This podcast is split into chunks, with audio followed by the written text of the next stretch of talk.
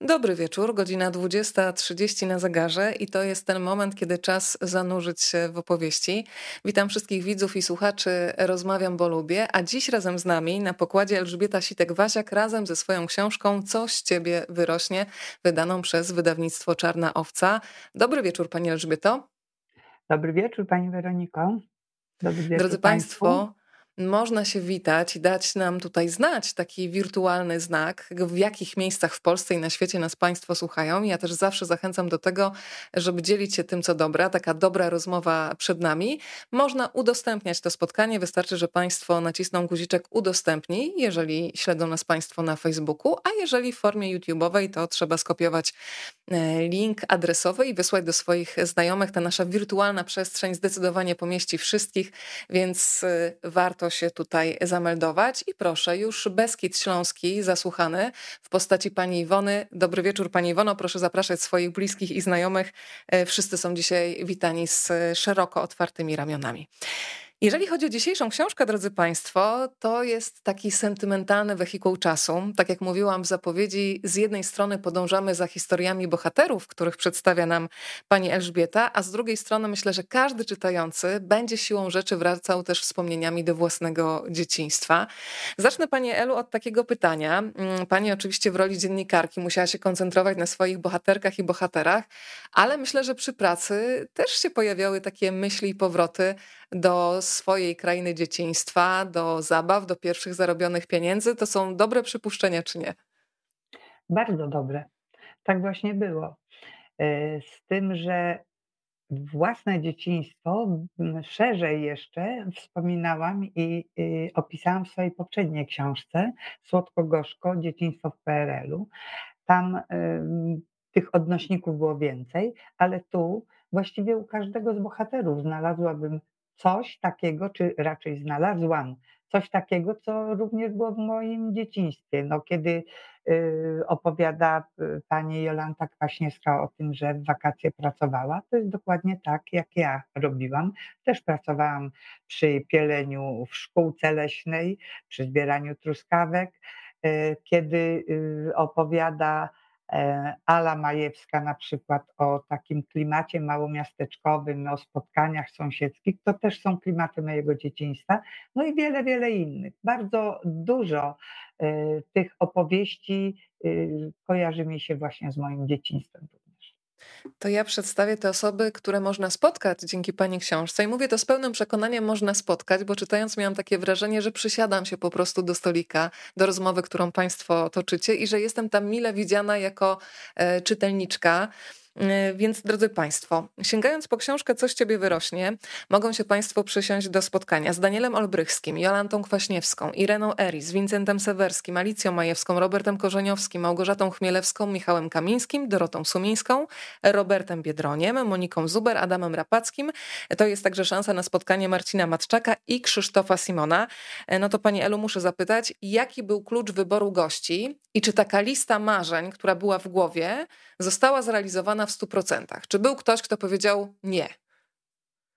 Hmm. No więc po kolei. Klucz, jaki był klucz? Y, starałam się pokazać osoby, które osiągnęły sukces w różnych dziedzinach, a więc w sporcie, w polityce, w, mm, w kulturze, czyli osoby z różnych środowisk. To po pierwsze. Po drugie, no żeby byli to zachować ten tak zwany parytet, czyli żeby było, byli i mężczyźni, i kobiety. Y, trochę to nierówno wyszło, ale to z zupełnie innych powodów, bo jest sześć pań i ośmiu panów.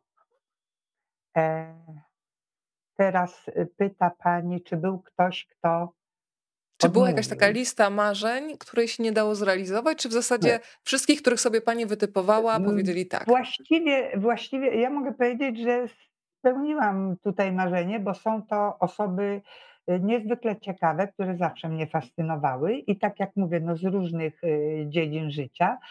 Do pełnej takiej listy marzeń, to ja już to kiedyś powiedziałam w wywiadzie, y, że no super fajnie byłoby, przeprowadzić taki wywiad z Lechem Wałęsą e, i o jego dzieciństwie i usłyszeć, że, że w dzieciństwie ktoś tam mu powiedział: Lechu, coś ciebie wyrośnie. I po cichu sobie w myślach dodać, jak to kto? Laureat Nagrody Nobla. Byłoby to dość, że tak, tak, powiem, zabawne. E, no, do pełnej listy marzeń chyba brakuje mi tu jeszcze. Mm, miałam, y, podejmowałam próbę parokrotnie y, z Anitą mm, Wodarczyk. Niestety y, ona była ciągle na obozach, zgrupowaniach, często na, e, za granicą i to się nie udało. Jest to też niezwykle ciekawa osoba. Wiem trochę o jej dzieciństwie. Myślę, że byłaby bardzo interesująca. Pani Elu, muszę Pani przekazać. Muszę przekazać, że jesteśmy już na przykład w Beskidzie Śląskim, w Lublinie, w Białej Podlasce, w Jeleniej Górze, w Chrubieszowie, na warszawskich y, Kabatach. E, jesteśmy też w Łodzi. Proszę, państw, proszę bardzo, Piotr, londyńskie przedstawicielstwo w Legnicy, czyli rozumiem, że Piotr mhm. z wizytą urodziny.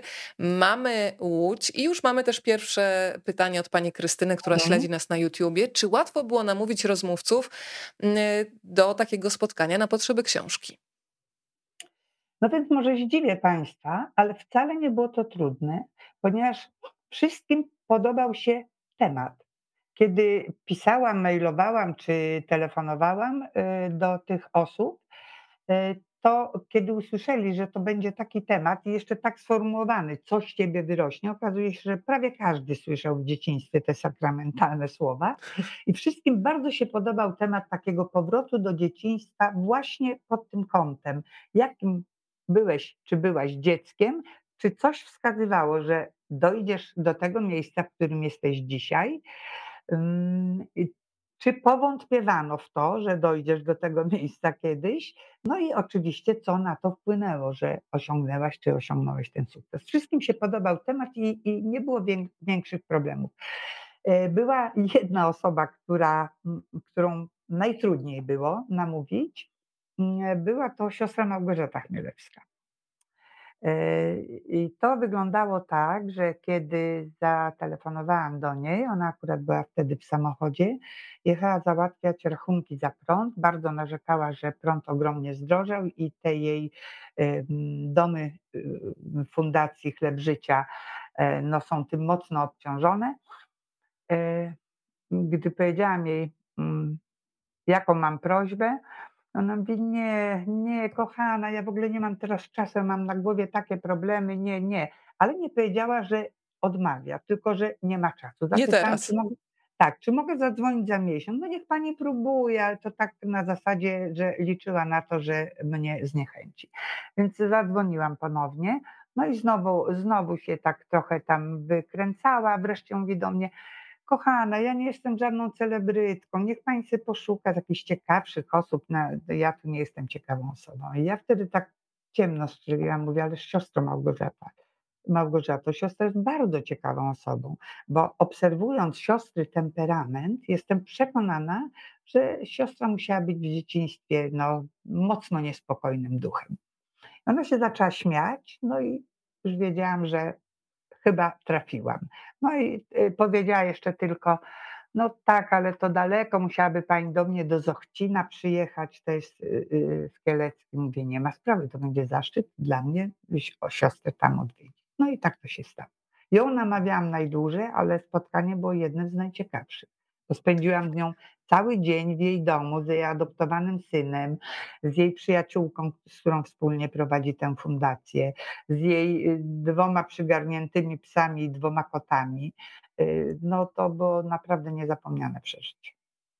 I to przeżycie udało się przenieść na karty książki, bo ja przyznaję szczerze, że to jest jedno z moich ulubionych spotkań podczas lektury, które bardzo mocno siedzi w człowieku. Mhm bo my w tym pędzącym świecie często odwracamy oczy od tego, co jest niewygodne, od e, człowieka, który wymaga opieki, bo jesteśmy tak zajęci swoimi sprawami. Dla mnie niezwykłe jest to, e, że siostra Małgorzata w zasadzie już jako młoda dziewczyna miała w sobie taką wrażliwość. E, no tak. i tutaj też pytanie, skąd ona miała taką wrażliwość? No bo skądś się to wynosi? Tutaj wracamy do dzieciństwa. Nie wiem, to się to chyba jest to się ma po rodzicach, to jest, nie wiem, wrodzone. Ona się wychowała w rodzinie, mm takiej mało religijnej. Ojciec był oficerem wojska, lekarzem wojskowym. Mama pracowała w wojskowym kasynie, wychowała się w jednostce wojskowej wśród żołnierzy. Nie, nie, nie rozmawiało się tam o religii, o Bogu, o misji jakiejś. To, to zupełnie nie tak. A jednak tę wrażliwość, e, jak patrzę na jej dzieciństwo, to wydaje mi się, że najbardziej miała ją po mamie. Mama była osobą taką, która zawsze wszystkim pomagała, wszystkim sąsiadkom, siostrom, kuzynkom. Kto potrzebował pomocy, zawsze mógł liczyć na, na mamę Małgorzaty. A kiedy pani przyjechała na miejsce, jak wyglądało to wpasowanie się w codzienność? Bo myślę, że to jest, i to się czuje w tej książce, że to nie jest jakaś szybka rozmowa, gdzie dziennikarz podtyka e, mikrofon, e, siedzi godzinę i ucieka, znika, tylko że przynajmniej przez chwilę, myślę chwilę w kategorii wieczności, rzecz jasna, czyli spędziła pani dzień e, z siostrą Małgorzatą, widząc ją tak naprawdę nie tylko w rozmowie, ale w akcji. E, pisze pani tak. świetnie, że to jest taka menadżerka w habicie. Z jednej tak, strony tak. ta tkliwość i wrażliwość, ale z drugiej strony no to musi być ostre zarządzanie, żeby na przykład funkcjonowało 11 domów dla osób w kryzysie bezdomności. E, co pani zaobserwowała? To są, tak. To są wyjątkowi przecież podopieczni.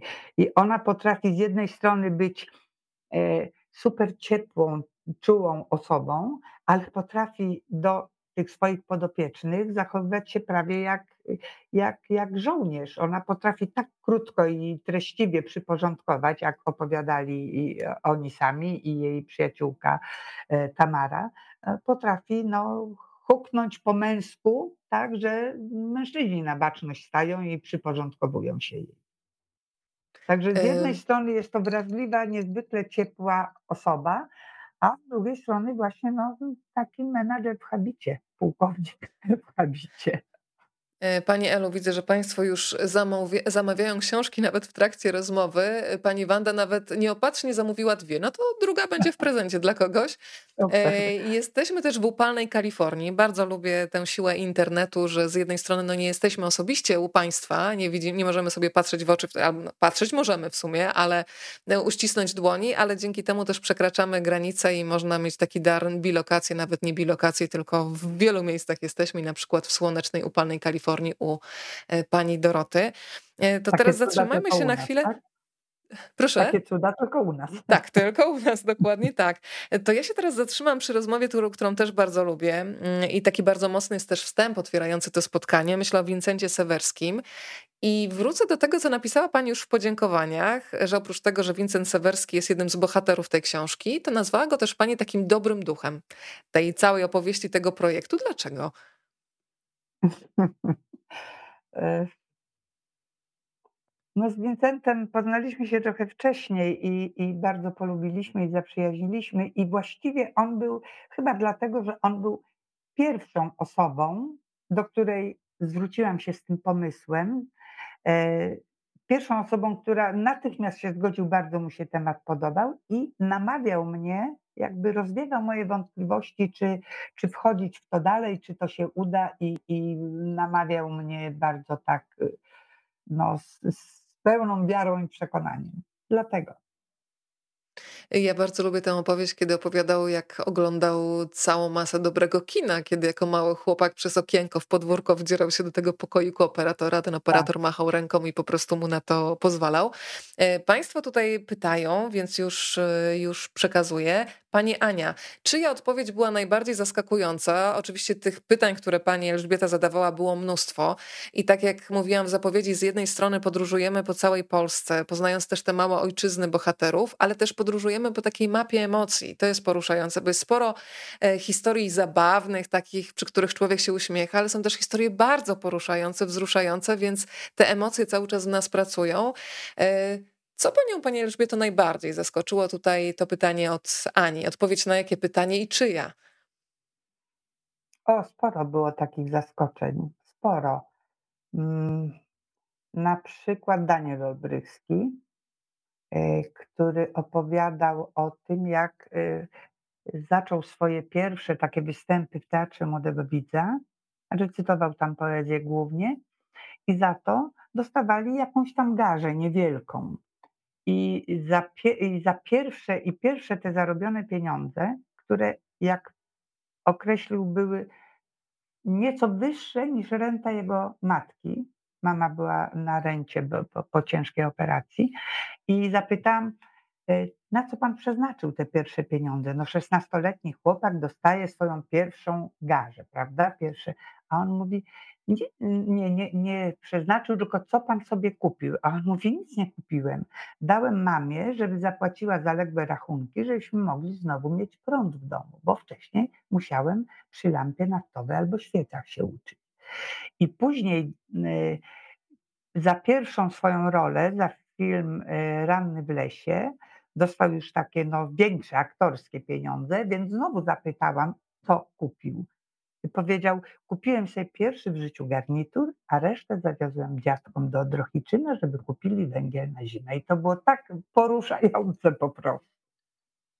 Tak, ja też bardzo lubię tę historię, kiedy sobie tak człowiek uświadamia, że kiedy na przykład pan Daniel zaczynał swoją przygodę i spotkanie z Andrzejem Wajdą, to miał 19 lat, więc był naprawdę tak. bardzo młodym chłopakiem i pomyślałam sobie, że naprawdę mm, można było stracić poczucie rzeczywistości, kiedy nagle kilkanaście milionów Polaków ogląda go na ekranie i staje się automatycznie taką postacią e, rozpoznawalną, a w nim, e, kiedy opowiada o tamtym czasie, jest taka duża skromność e, i też kiedy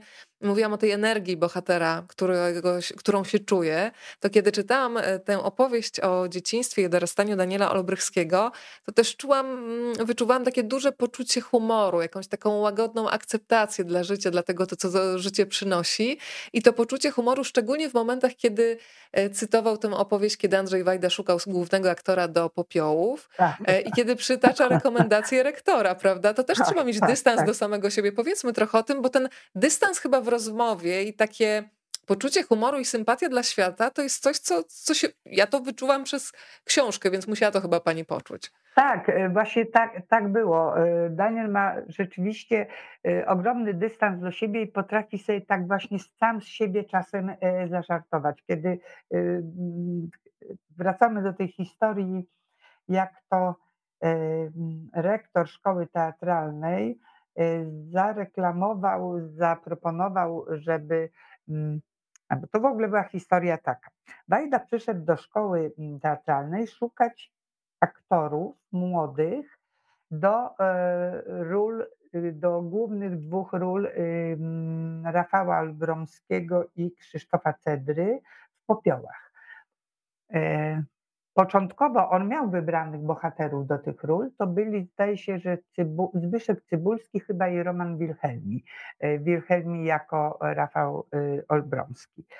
Ale w, trochę wcześniej e, w Związku Radzieckim chyba Bondarczuk nakręcił Wojnę i Pokój gdzie główne role grali bohaterowie, główne role młodych ludzi, grali bohaterowie tacy bardzo znani, sławni, ale pod pięćdziesiątkę. I przetoczyła się wtedy ogromna fala krytyki właśnie za, ten, za tę obsadę. I wtedy Wajda wyciągnął z tego wniosek i powiedział, ok, to w takim razie ja w Popiołach chcę mieć bohaterów, chcę mieć aktorów, którzy będą w tym wieku, w jakim są bohaterowie. I ludzi młodych, jeszcze y, y, studentów szkoły teatralnej. No i tak trafił właśnie na zajęcia y, w szkole, obserwował tych studentów, a potem poszedł do rektora na rozmowę. I pan Kreczman powiedział, ty nigdzie nie szukaj, nie, ty masz tu idealnego chłopaka, który ci się do tej roli będzie nadawał. Problem z nim jest tylko taki, że on jest taki, wiesz, trochę albinoso, albinosowaty, taki wyblakły, ale jak go dobrze pomalujecie, to nawet rolę Amanta będzie mógł zagrać. I tak właśnie Daniel został wybrany do roli y, Rafała Olbromskiego w Popiołach, swojej y, pierwszej wielkiej roli i pierwszej roli u Wajdy. Państwo tutaj cały czas do nas dołączają. Na pokładzie jest Gdynia, Sochaczew, Nysa w postaci mm, pani Małgosi. No i jest też już komentarz od pani Agnieszki. Pana Sewerskiego znam jako autora ciekawych książek. Chętnie poznam go teraz z innej perspektywy. Dzięki pani książce o innych postaciach też z zainteresowaniem poczytam, więc tutaj rzesza czytelników się tak. powiększa po drugiej stronie. E, to To powiedzmy trochę Pani Elżbieto o Monice Zuber między innymi, bo to też taka kobieta pastor. E, ciekawe wejście i myślę, że jedna z takich bardzo konsekwentnych postaci, która postawiła na swoim, żeby łamać stereotypy, żeby rozbijać taki mur, e, gdzie wydawało się, że ten świat jest tylko i wyłącznie męski. Jak wyglądało spotkanie Pani? E, to było spotkanie, ponieważ ta książka powstawała w okresie pandemii, to ja y, z trzema osobami spotkałam się mm, online. Rozmawiałyśmy, rozmawiałyśmy liśmy przez Skype'a. I właśnie jedną z mhm. tych osób była e, Monika Zuber. Oczywiście wcześniej wszystko to było uzgodnione, umówione e, e, przez telefon, a też była osobą, której się podobał temat bardzo. Taką osobą był profesor Simon i profesor Matczak. To te trzy osoby y, y, rozmowy prowadziliśmy przez Skype'a. To była i odległość, i, i różnie, różne tam inne powody. Y, wracając do pytania o Monikę. O Monikę, Bo... jaki to był rodzaj spotkania, energii, czy no właśnie, mm, jak ją Pani było... odebrała w tym pierwszym kontakcie? Powiem tak. Kobieta, pastor, zawód bardzo nietypowy, widziałam zdjęcia, ale też jakby z tych zdjęć, bo to takie zdjęcia gdzieś tam w prasie się y, przewinęły, nie miałam świadomości, że to jest taka piękna kobieta. To jest naprawdę piękna kobieta, bardzo zadbana, elegancka, świetnie umalowana, y, niezwykle energetyczna y, w rozmowie. No i, mm, i również bardzo uporządkowana. Z nią się bardzo dobrze rozmawiało, bo ona była bardzo wiedziała, jaki będzie temat rozmowy, była do niej przygotowana i w taki uporządkowany sposób.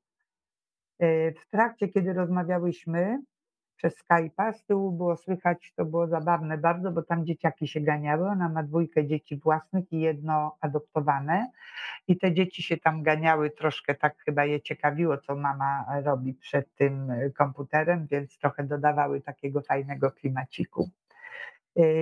Y, to ona była jednym z moich większych zaskoczeń, powiem szczerze, dlatego że yy, po pierwsze, no, ten zawód taki nietypowy, ale jakby nie łączyłam z zawodem yy, osoby duchownej yy, tego, że to może być taka autentyczna, prawdziwa z przekonania feministka.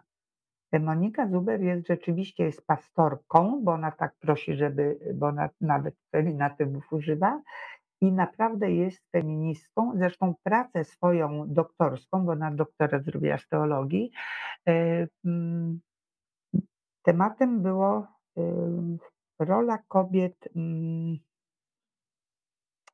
w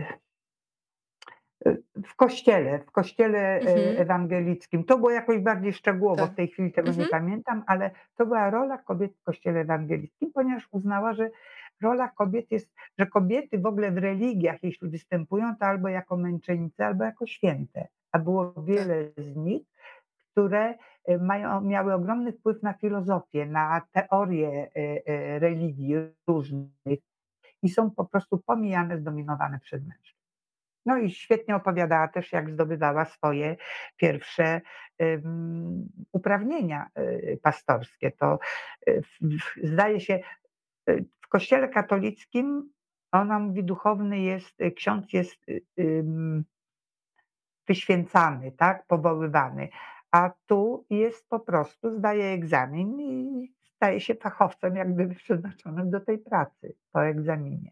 I ona te egzaminy, gdy mężczyźni zdają na ogół za pierwszym razem i tam po trzech miesiącach jakiejś próby, ona zdawała kilka razy i była ciągle oblewana, dlatego że była tak nietypową osobą. Pytanie, które to... ją najbar najbardziej oburzyło, y, było, było takie, a co pani egzaminatorzy zapytali, a co pani zrobi w momencie, kiedy będzie pani na przykład w ciąży? I on mówi, no ale kobieta, która jest lekarzem, nauczycielem, y, nie wiem, sprzedawczynią, też jest w ciąży. Więc ja w tym zawodzie też mogę być w ciąży i zachowam się tak samo jak wszystkie one. Znajdę opiekę dla mojego dziecka, będę na urlopie macierzyńskim, a potem znajdę opiekę dla mojego dziecka. Tak. E, I tutaj z tego co pamiętam, to też e, pani Monika nie miała łatwo, jeżeli chodzi o reakcję rodziny na jej pomysły, prawda? I tutaj też się wykazała takim hartem ducha, żeby mm, pójść za tym głosem, który jej podpowiadał, że tak, to tak, jest jej miejsce tak. na ziemi, ona chce to I, robić, i nawet ona... jeżeli inni będą ją zniechęcać. Wsparcie miała tylko od brata, bliźniaka, nawiasem mówiąc. Natomiast rodzice uznali, że jest to fanaberia i powiedzieli, skoro, skoro masz takie fanaberie, to proszę bardzo, utrzymaj się sama. Ona wyjechała wtedy do Wrocławia, tam studiować teologię i sama się utrzymywała, dawała korepetycje, e, pracowała w różny sposób, zdobywała pieniądze i osiągnęła to, co chciała. Tam też się pojawia, nie chcę zdradzać oczywiście wszystkiego, ale wątek choroby. Mm, nie będę za dużo tak. zdradzać, żeby Państwo doczytali, ale faktycznie to jest jedna z wielu historii, kiedy takie zagrożenie życia, czy potencjalne zagrożenie życia, taka świadomość choroby powoduje, że człowiek się zaczyna zastanawiać: hej, ja mam tylko jedno życie i tak. albo zrealizuję swoje marzenia teraz, ja nie wiem, co będzie jutro, więc idę za tym. I to też jest niesamowite, że taki moment kryzysu, też zdrowotnego, zmobilizował w niej jeszcze większą taką zaciekłość, oczywiście taką zdrową, sportową, tak, tak. taką zaciekłość, żeby po prostu doprowadzić ten swój plan do finału, e, co jest do faktycznie finału, bardzo tak. imponujące. Wśród bohaterek tak. książki Coś Ciebie wyrośnie jest też e, pani prezydentowa Jolanta Kwaśniewska i bardzo się cieszę, że pokazuje ją i przedstawia ją pani jako nie żonę prezydenta, panią prezydentową, tylko jako społeczniczkę, jako kobietę zaangażowaną, jako współtwórczynię Kongresu Kobiet, jako e, twórczynię Fundacji Polska Bez Barier, e, a jednocześnie ta historia prywatna, o której pani wspomina, jest tak poruszająca, to jest jedna z najbardziej poruszających historii takich rodzinnych, która we mnie została, bo znam też mnóstwo osób e, starszych, młodszych, które na przykład nigdy w życiu nie usłyszały od swojego rodzica słowa kocham cię i jest w nich ogromna dziura i taki żal często często są to historie już niedokończone, w zasadzie właśnie dokończone, zamknięte, kiedy już te słowa nigdy nie nadejdą. Natomiast pani prezydentowa opowiada o, o swoim tacie i że dopiero jako pięćdziesięciolatka po raz pierwszy te słowa, których tak bardzo pragnęła, e, usłyszała. Pani przywołuje tę rozmowę z Wiwy, kiedy to rozmawiała z córką, z Aleksandrą tak, Kwaśniewską. Tak. E, I w tej rozmowie jest zaskakująca taka otwartość, bo to są bardzo intymne historie, więc e, czy panie się wcześniej e, znały? Jak wyglądało to, to otwieranie i jak się słucha, żeby otrzymać tak prywatne, tak mocne opowieści, które potem można przekazać dalej?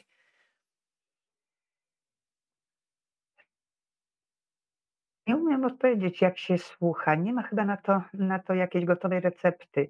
Ja myślę, że po prostu trzeba być autentycznie zainteresowanym tym, co e, mówi rozmówca.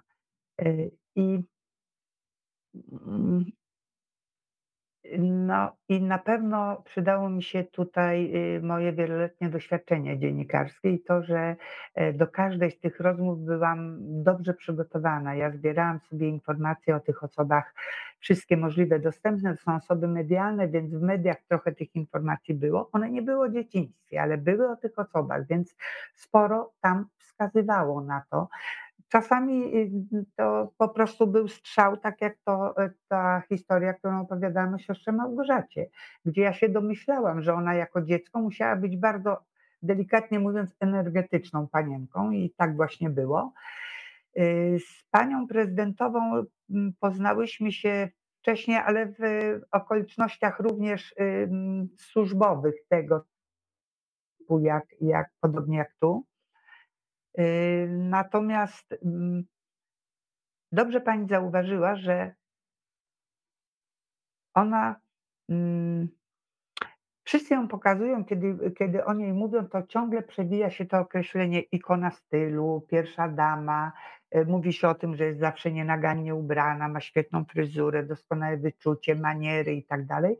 Ale tak naprawdę y, to, to jest tylko część prawdy o niej tak naprawdę to y, Wiolancie Kwaśniewskiej jakby taką dla mnie po tych, y, tej rozmowie przed wieloma laty i teraz y, tej długiej rozmowie e, do tej książki, to przede wszystkim przebija to, że to jest społecznica. To jest, to jest dlatego tak, taki tytuł dałam, Dama z duszą społecznika, bo ona jest damą, owszem, to w, każdym calu, że tak powiem, nie tylko w stroju i, i sposobie bycia, ale w charakterze, w pewnej elegancji słów, i, y, y, y, zachowań.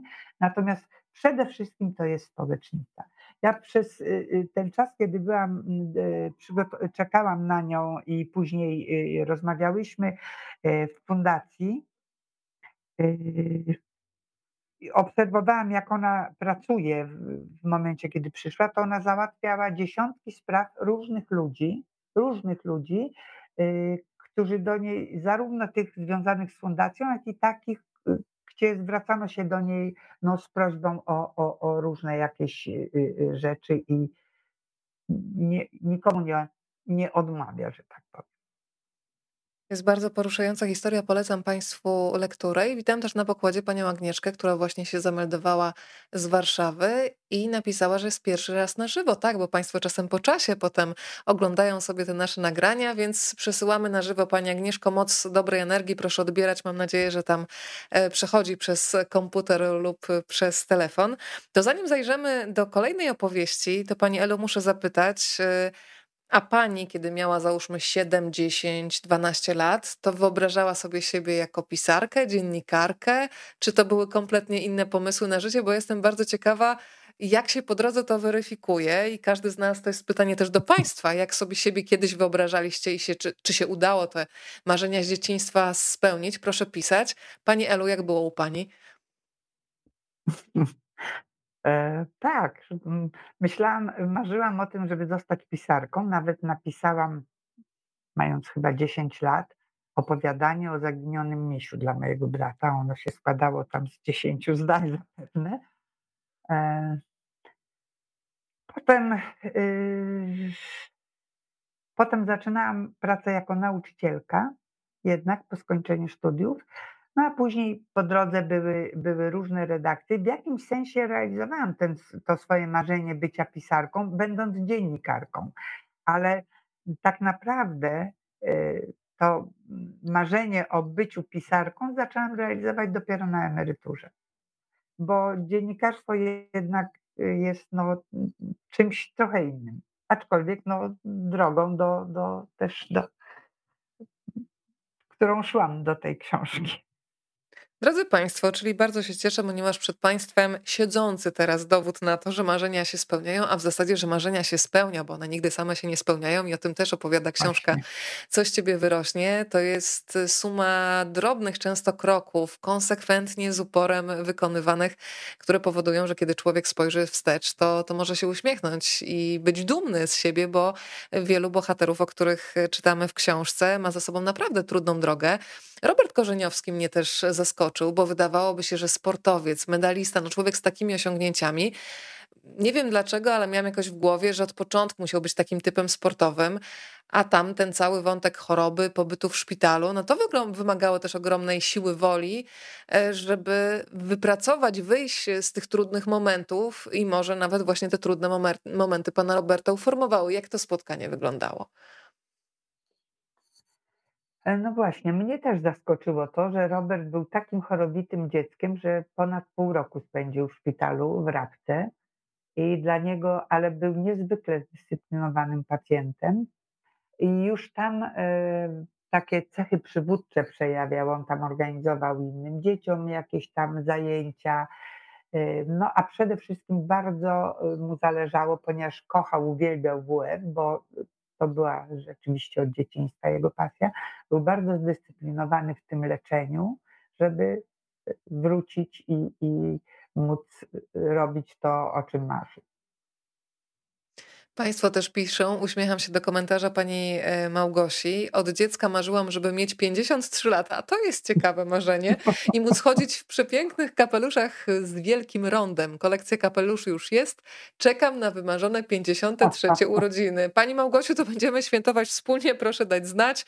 Umówimy się wtedy, że wszyscy widzowie rozmawiam, bo lubię. Usiądziemy tutaj w jakichś pięknych kapeluszach. Właśnie życie jest po to, żeby je celebrować. Dziękuję za ten komentarz. A propos, Panie, przepraszam. Tak jeśli mogę. A propos kapelusza, to przypomniało mi się, jak rozmawiałam z Alicją Majewską, e, jest jedna z jej piosenek, gdzie e, ta piosenka Być kobietą. I ona tak. śpiewa e, mieć pół kilo biżuterii, kapelusze takie duże i, i coś tam dalej. Tak. Ja zapytałam o to, czy jako dziecko marzyła o to, żeby mieć, te, e, mieć pół kilo biżuterii i kapelusze takie duże. Ona się zaśmiała i mówi, że nie, nie, zupełnie inne miałam kapelusze. E, nie, nie, to zupełnie nie ja, to zupełnie. I nie, nie o tym marzyłam w dzieciństwie.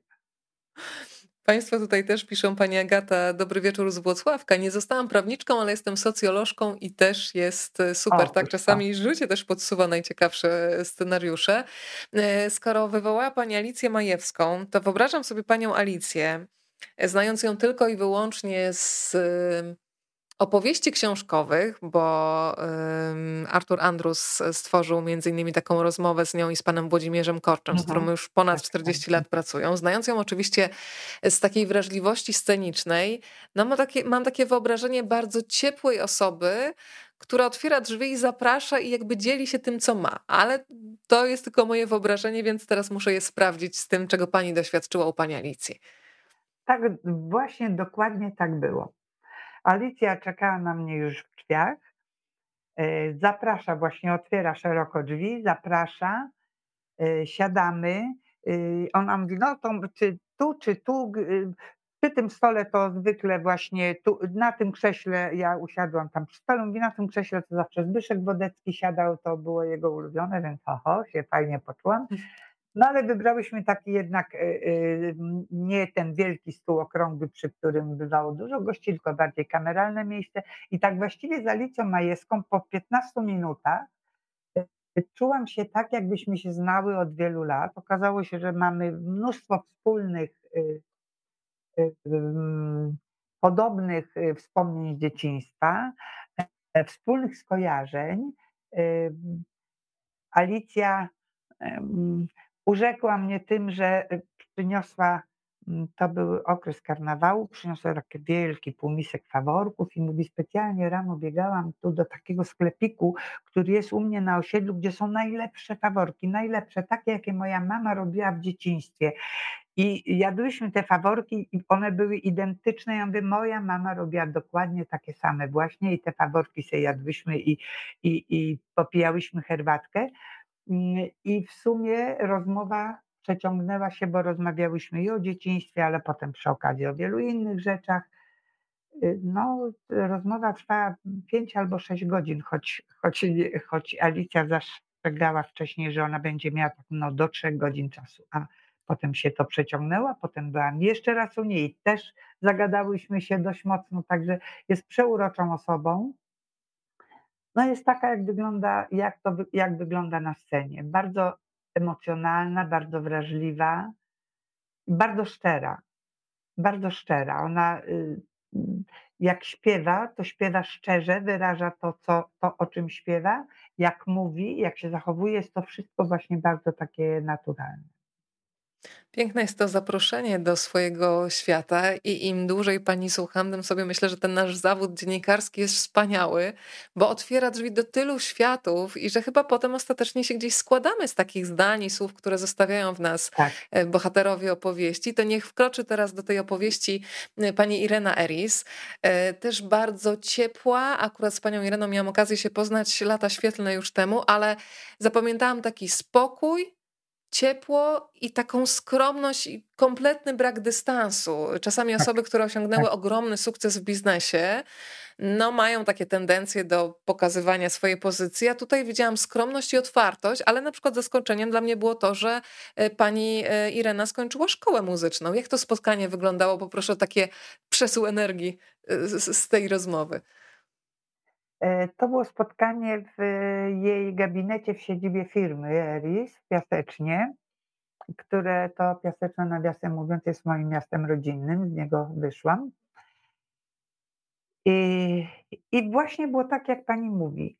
Y, ktoś mnie tam odebrał z, z recepcji, podprowadził na górę. Pani Irena wyszła już y, na, do schodów y, do mnie, żeby się przywitać i od razu właściwie od pierwszego momentu była tak y, urocza, tak serdeczna, tak zapraszająca, że żadnego dystansu w ogóle nie mogło być pierwszego, od pierwszego momentu. Bardzo, bardzo sympatycznie nam się rozmawiało. Też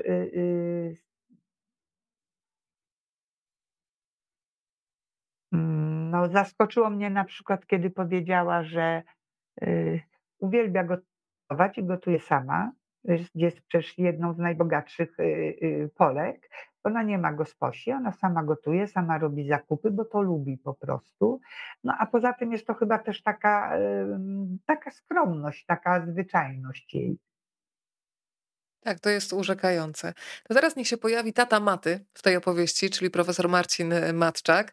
E, widzę, że tutaj sobie, bo cały czas spoglądam też na książkę, że zaznaczyłam sobie między innymi, to jest też ciekawe, kiedy się e, sprawdza, kim byli rodzice naszych bohaterów, bo można sobie mhm. zobaczyć, czy ktoś poszedł drogą rodziców, czy wybrał kompletnie inny świat.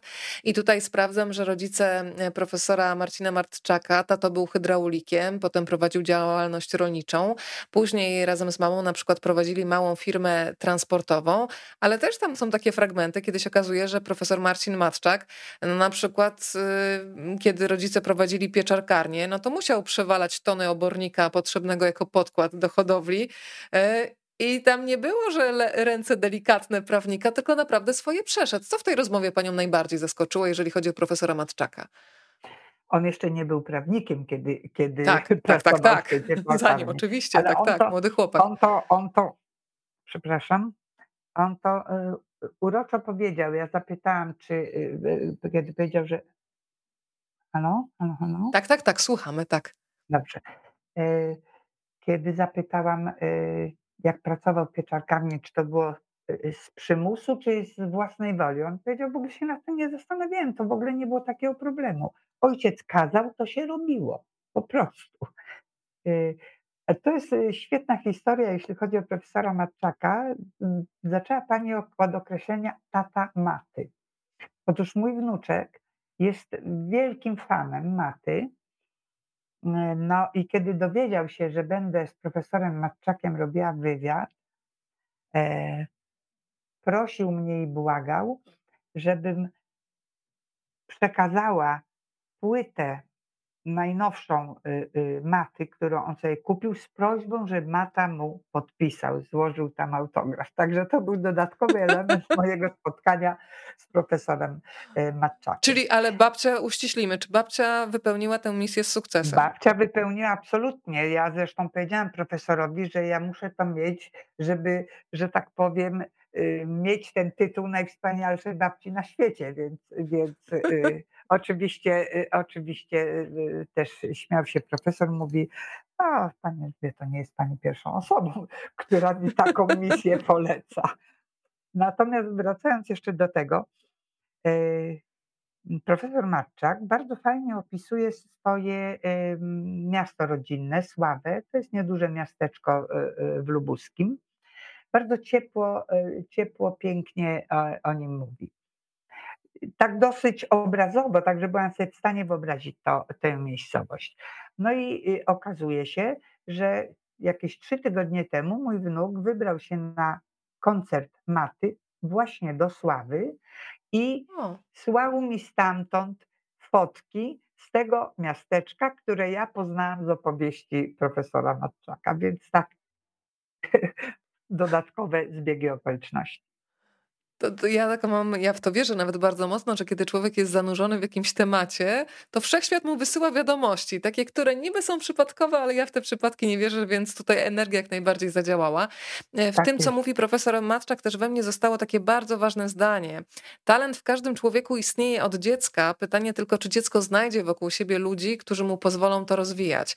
Nie zdradzę, mm, kto miał problemy na przykład z tatą. I to też jest bardzo poruszające, kiedy dziecko na każdym kroku roku e, słyszało takie podważanie własnej wartości. Kaktus mi tu wyrośnie, jeżeli coś e, ci no wyjdzie, jeżeli się dostaniesz na studia. Tak, więc zachęcam Państwa do tego, żeby sięgnąć do lektury i śledzić te historie. E, to ja teraz osoba, jeszcze. Której, której ojciec ciągle o tym kaktusie mówił, naprawdę no, osiągnęła sukces życiowy i to w niejednej dziedzinie. Niech to zostanie zagadką. Tak jest. Pani Elu, a zastanawiam się, czy pani rozmówcy już y, przeczytali książkę, bo myślę, że to też jest fantastyczny, czy ma już pani jakiś odzew, bo myślę, że oczywiście no, każdy był ciekawy swojej historii, ale rozumiem, że była autoryzacja mniej więcej, więc oni mniej więcej wiedzieli, czego się spodziewać, jeżeli chodzi o ten własny rozdział opowieści. Siebie, tak.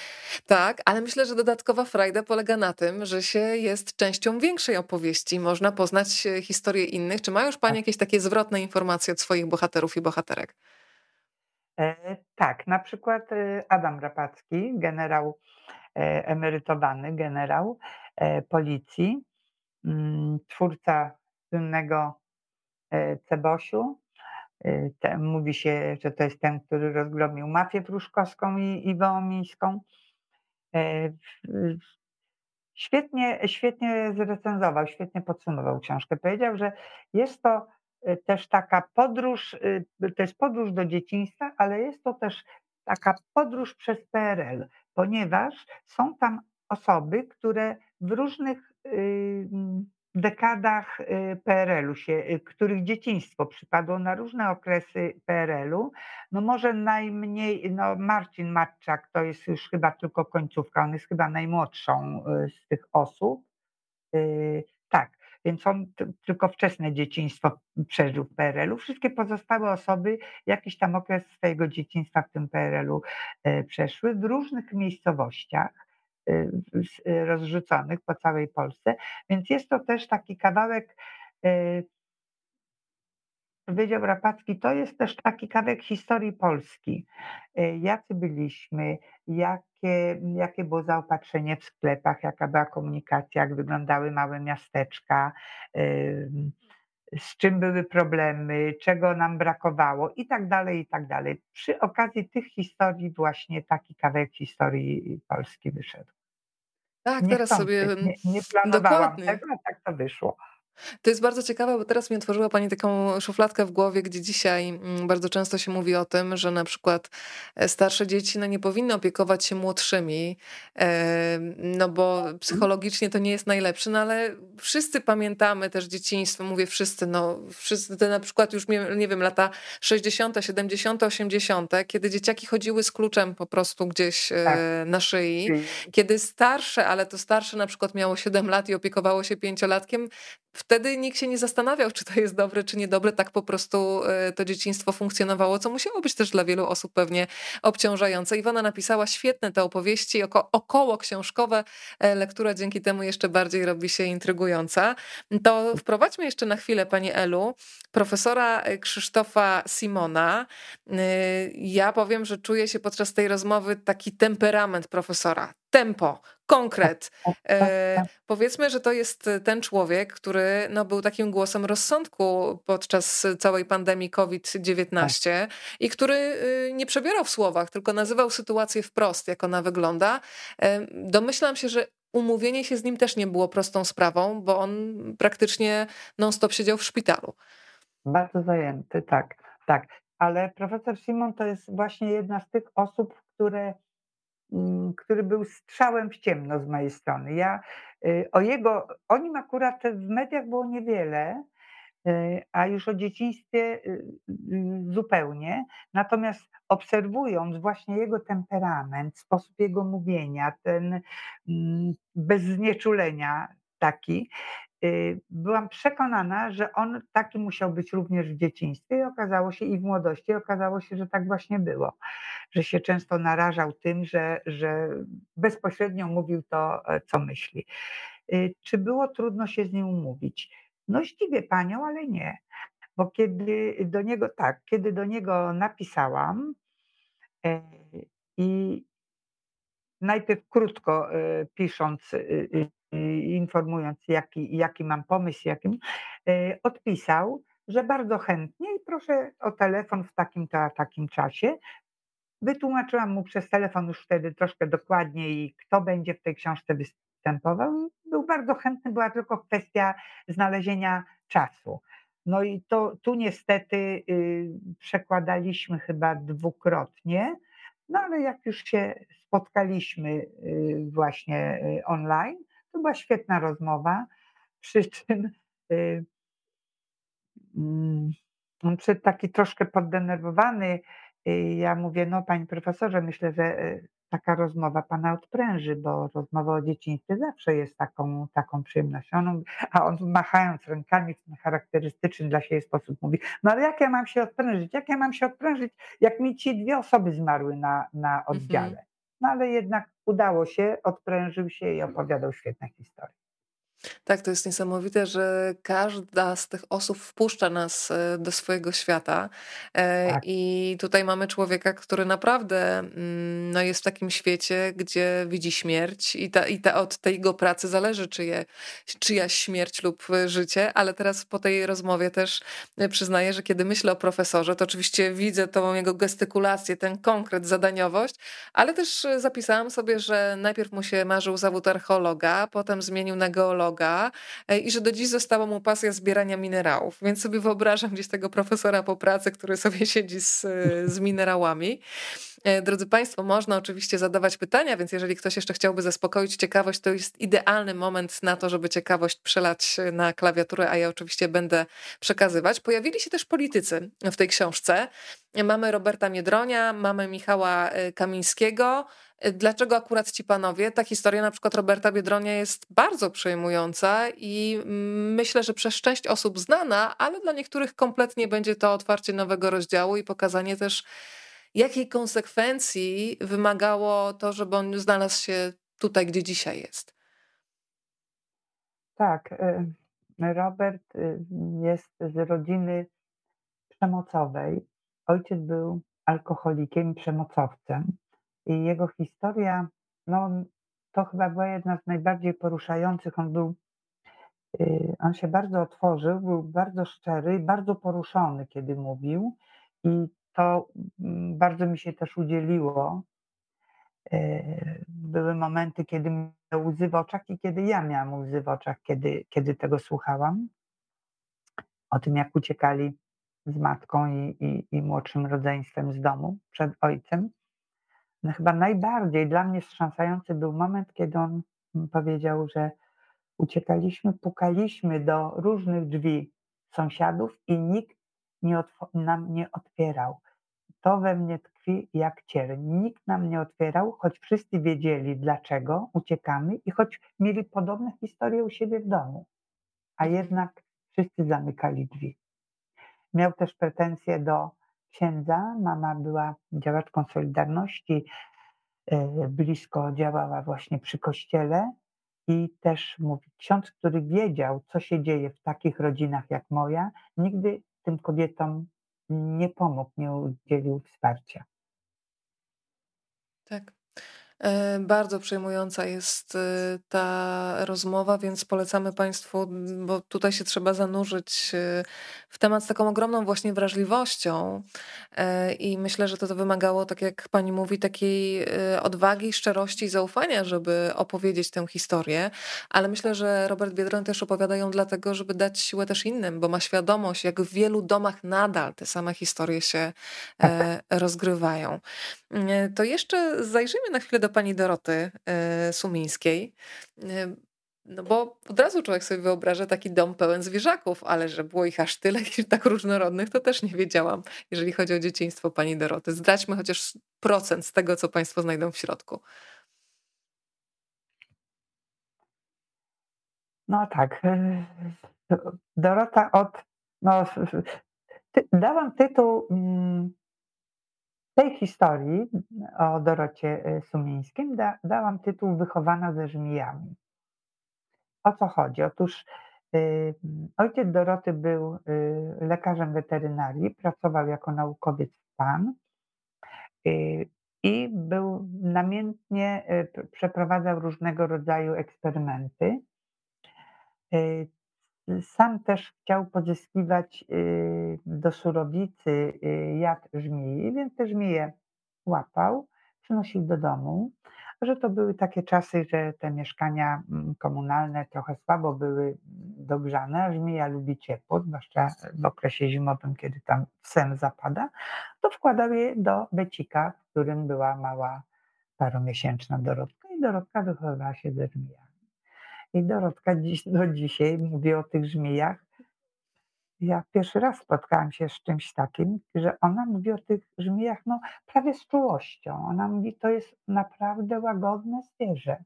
Ona nie, nie ukąsi od tak dlatego, żeby ukąsić, żeby, żeby na złość zrobić. Ona kąsi tylko wtedy, kiedy jest bardzo zagrożona i to też nie zużywa całego swojego jadu, bo on jest dla niej zbyt cenny. Opowiada, jak mamie, gdy mama była w szpitalu i prosiła, przynieś mi jakiegoś, jakieś zwierzątko do, do szpitala, bo to się stęskniłam za naszymi zwierzakami. A na to Dorota mówi, mamo, no ale przecież psa i kota nie przemycę, bo mnie nie wpuszczą. A mama na to mówi, wiesz co, to przynieś chociaż węża, bo węża to w kieszeni przyniesiesz. I przyniosła mamie węża zbożowego tak zwanego do szpitala, żeby mama mogła, mogła mm, pogłaskać sobie y, y, węża. Niesamowite była są te historie. Kura, która, była też kura, która jeździła razem z Dorotą w wózku dziecięcym. Mama wiozła Dorotkę, siedziała sobie obok Dorotki kura, którą nazywano pani Warszawska, ponieważ jak wyjeżdżały razem na letnisko, to kura wyjeżdżała razem z nimi, kura, dwa psy. A ponieważ kura się z wiejskimi kurami zadawać nie chciała, to ją na wsi przezywano, że to jest pani Warszawska. No mnóstwo tych zwierząt kura Doroty. Tak, kura on E, państwo komentują. Pani Ania pisze, historie, które Pani opowiadają, uczą pokory i nieoceniania innych. Nigdy nie wiemy, co ludzie mają w sercu, czego doświadczyli, co przeżyli, co ich kształtowało. Pokora i szacunek. E, już dziękuję za dzisiejszy wieczór. E, dziękuję za to spostrzeżenie Pani Aniu. Faktycznie to jest mi zawsze bardzo bliskie, żeby na start mieć dla ludzi faktycznie kredyt zaufania i dużo czułości, bo nigdy nie wiemy, jakie ciężary ktoś niesie w tym swoim codziennym plecaku, tak. To zapytam o to Pani Elu. Wiadomo, że przystępując do pracy, robi się research dokładny, ma się jakieś wyobrażenie bohatera. Która z tych postaci, które spotykamy w środku, najbardziej się Pani jakby nie złożyły te dwa klocki, że inaczej sobie Pani trochę wyobrażała człowieka, a nagle się otwiera zupełnie nowa przestrzeń. Był ktoś, kto tak kompletnie panią zaskoczył. Z, różnych względów, bo to mogą być różne powody, ale czasem jest tak, że coś sobie myślimy, wyobrażamy, a potem się okazuje, że spotykamy kompletnie innego człowieka. Hmm.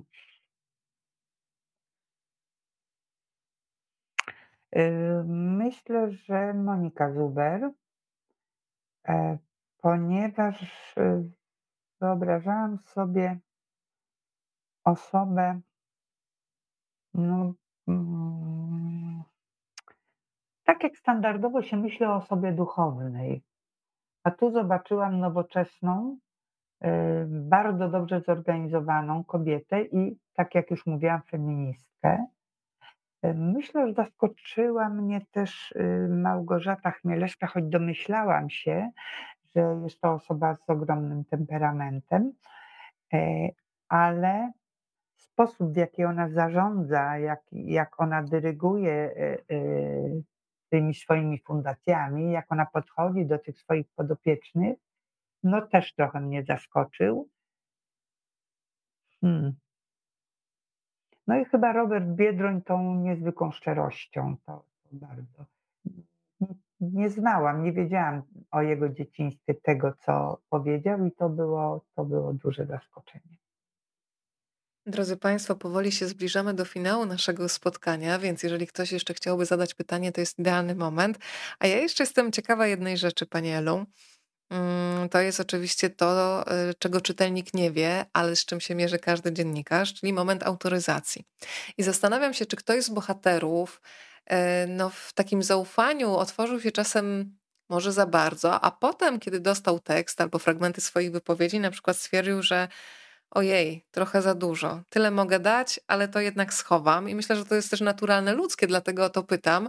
E, czy były osoby, które dopiero kiedy już po rozmowie dostały jakieś fragmenty swoich wypowiedzi do autoryzacji, stwierdziły, z tego się jednak wycofam, albo dam tyle, ile mogę, ile czuję, ale może w tej przypływie właśnie takiego zaufania, otwartości e, powiedziałem, czy powiedziałam tak dużo, że, że jednak coś jeszcze chcę schować. Jak były takie sytuacje, czy nie?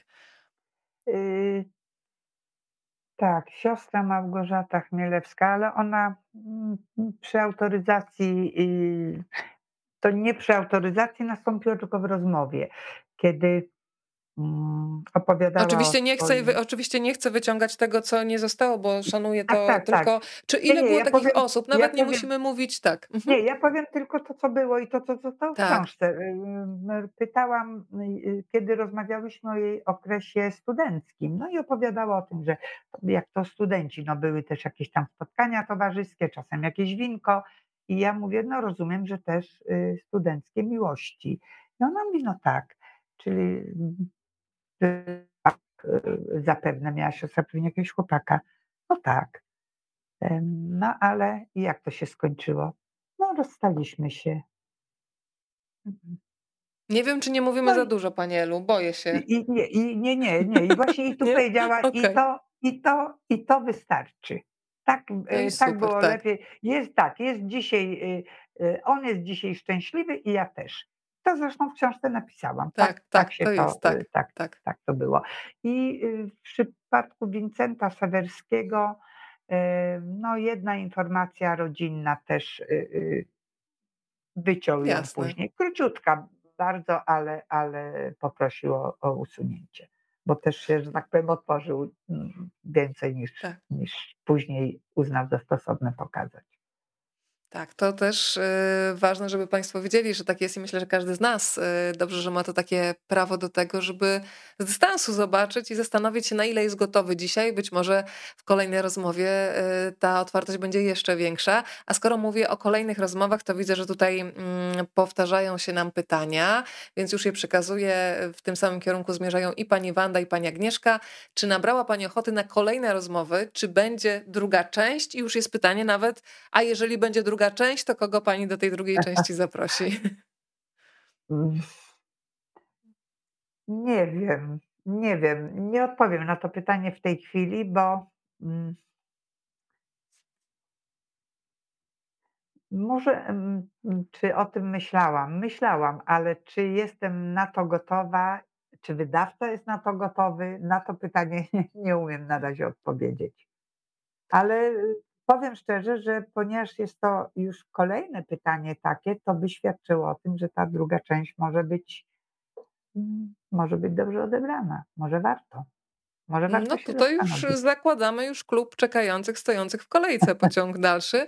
Pojawiło się jeszcze pytanie, ono mi też przemknęło już wcześniej, o okładkę. Pani Małgosia pyta, chciała zapytać o okładkę, jak powstawała, kto ją zaprojektował. Wcześniej ktoś pytał, czy pani też uczestniczyła w powstawaniu. Książki jeszcze nie mam, dlatego bardzo ciekawi mnie jej powstanie. E, projekt okładki to jest dzieło Pawła Panczakiewicza, więc zastanawiam tutaj, zaspokójmy ciekawość, czy, czy autorka miała wpływ na to, jak ostatecznie wygląda okładka, czy nie, to jest pytanie Chciałam od Państwa. powiedzieć, że wydawnictwo Czarna Owca e, jest fantastycznym wydawnictwem, bo współpracuje fantastycznie z autorem. Tak przynajmniej było w moim przypadku. E, prowadzący, redaktor prowadzący, pan Marek Korczak, właściwie uzgadniał ze mną wszystko. Myśmy byli w nieustannym kontakcie telefoniczno-mailowym, uzgadnialiśmy od wielkości i rodzaju czcionki poczynając, E, I niezwykle, i co ważne, wydawca bardzo otwarty na sugestie autora. Uzgadnialiśmy e, wielkość i rodzaj czcionki. Udało mi się na przykład przekonać e, wydawcę, żeby ta czcionka była o jeden punkt większa niż planowano, bo mhm. Y, lepiej się czyta większą czcionkę i, i wtedy, kiedy jest więcej światła. To samo było z okładką. Okładka była projektowana przez pana Pawła Panczakiewicza i tych propozycji było kilka co najmniej, y, zarówno jeśli chodzi o sam kształt okładki, jak i o tytuł, a właściwie o, y, o podtytuł. Podtytuł był mm, dyskutowany bardzo długo, było kilkanaście projektów, jak ma to brzmieć w efekcie został ten. Mnie się okładka bardzo podoba. Sam projekt graficzny od razu kupiłam natychmiast, po, po, mm, ponieważ jest no piękny, jest symboliczny, to jest ten znak tak. zapytania, te dwie twarze dziecka i dorosłej osoby. Właściwie ta okładka wszystko mówi już od razu. Bardzo mi się podoba, uważam, że jest bardzo starannie zrobiona. Mm, I y, bardzo starannie y, jest zrobiony, zrobiona cała grafika książki. Ona jest taka przejrzysta. Każde opowiadanie jest oddzielną całością. Bardzo łatwo na nie trafić, ze względu na to, że są mocno od siebie oddzielone, że są te zdjęcia i, i, i złote tło. E, wszystko to było, no właśnie, każdy, każdy I mamy rozdział, tutaj profesora. Tak, tak. Każdy rozdział tak się zaczyna. Jest nazwisko, jest zdjęcie i potem jest tytuł tej opowieści y, o, o, tej osobie. Świetnie dobrane zdjęcia, również przez pana Pawła Panczakiewicza, doskonale. Sama byłam zaskoczona, ja też szukałam y, zdjęć y, moich bohaterów, ale, na, ale te były doskonałe. Na przykład zdjęcie profesora Matczaka uważam, że jest kapitalne, ponieważ on ma na tym zdjęciu e, taki, taki trochę tajemniczy, trochę łobuzerski, trochę mm, prowokujący uśmiech, znakomity. Zresztą wszystkie te zdjęcia są świetne. Proszę zobaczyć siostrę Małgorzatę Chmielewską, jaka jest kapitalna na tym zdjęciu. Cały jej charakter jest na tym zdjęciu. To prawda. Jest taka i wrażliwość, ale też taka siła i przenikliwość, to wszystko I mówi. Trochę, I trochę śmiejące się oczy. Ona ma tak. ogromne poczucie humoru. Myśmy bardzo dużo się śmiały, opowiadała kapitalne historie, właśnie, właśnie zabawne. Jeśli mamy jeszcze czas, to muszę opowiedzieć jedną jeszcze historię siostry Małgorzaty. Mamy czas? Oczywiście. Yy, opowiadała, że pojechała kiedyś z jednym ze swoich podopiecznych adoptowanym takim chłopcem rumuńskim bezdomnym, odwiedzić jego siostrę, która była w szpitalu bodajże w Krakowie. Po drodze zatrzy, a wiózł ich jej przybrany syn, już w tej chwili człowiek dorosły, Janek. Zatrzymali się po drodze w klasztorze zaprzyjaźnionym. I siostra, która ich tam przyjmowała, zapytała, no z Małgorzatą się przywitała, bo się znamy, a jego zapytała, a pan jest kierowcą siostry Małgorzaty. Na co Janek odpowiedział, nie, ja jestem synem siostry. No i szok. Jestem synem siostry Małgorzaty. Podobno te jej przybrane dzieci uwielbiały wprawiać właśnie, wywoływać konsternację. i konsternację takimi stwierdzeniami, gdzie tylko mogły, mówiąc, że jestem synem czy, czy córką siostry Małgorzaty. Pani Elżbieto, bardzo dziękuję za książkę. Tutaj jeszcze pani Małgosia napisała, ta okładka zatrzymała mnie właśnie w internetowym e, poszukiwaniu książek. Tak, to bardzo ważne też, to opakowanie, tak. no bo jesteśmy jednak wzrokowcami to jest ten pierwszy Dokładnie. kontakt, kiedy człowiek to, zagląda jeszcze, potem do środka. A tu jeszcze dotyk, ta okładka to nie tak. tylko wzrok, ale i dotyk, prawda? Bo Faktura, jest... tak, też działa. Tak, tak, tak. E, pani Elżbieto, bardzo dziękuję za książkę, bardzo dziękuję za dzisiejsze spotkanie. Tutaj proszę bardzo, e, Państwo już piszą, czekamy, na pewno warto z drugą częścią, czekamy, jesteśmy. Także tutaj już kolejka się ustawia po część drugą, więc trzymam mocno kciuki e, za to, żeby wydawnictwo powiedziało tak, a my w roli czytelników i słuchaczy spotkamy się przy okazji kolejnej Pani książki.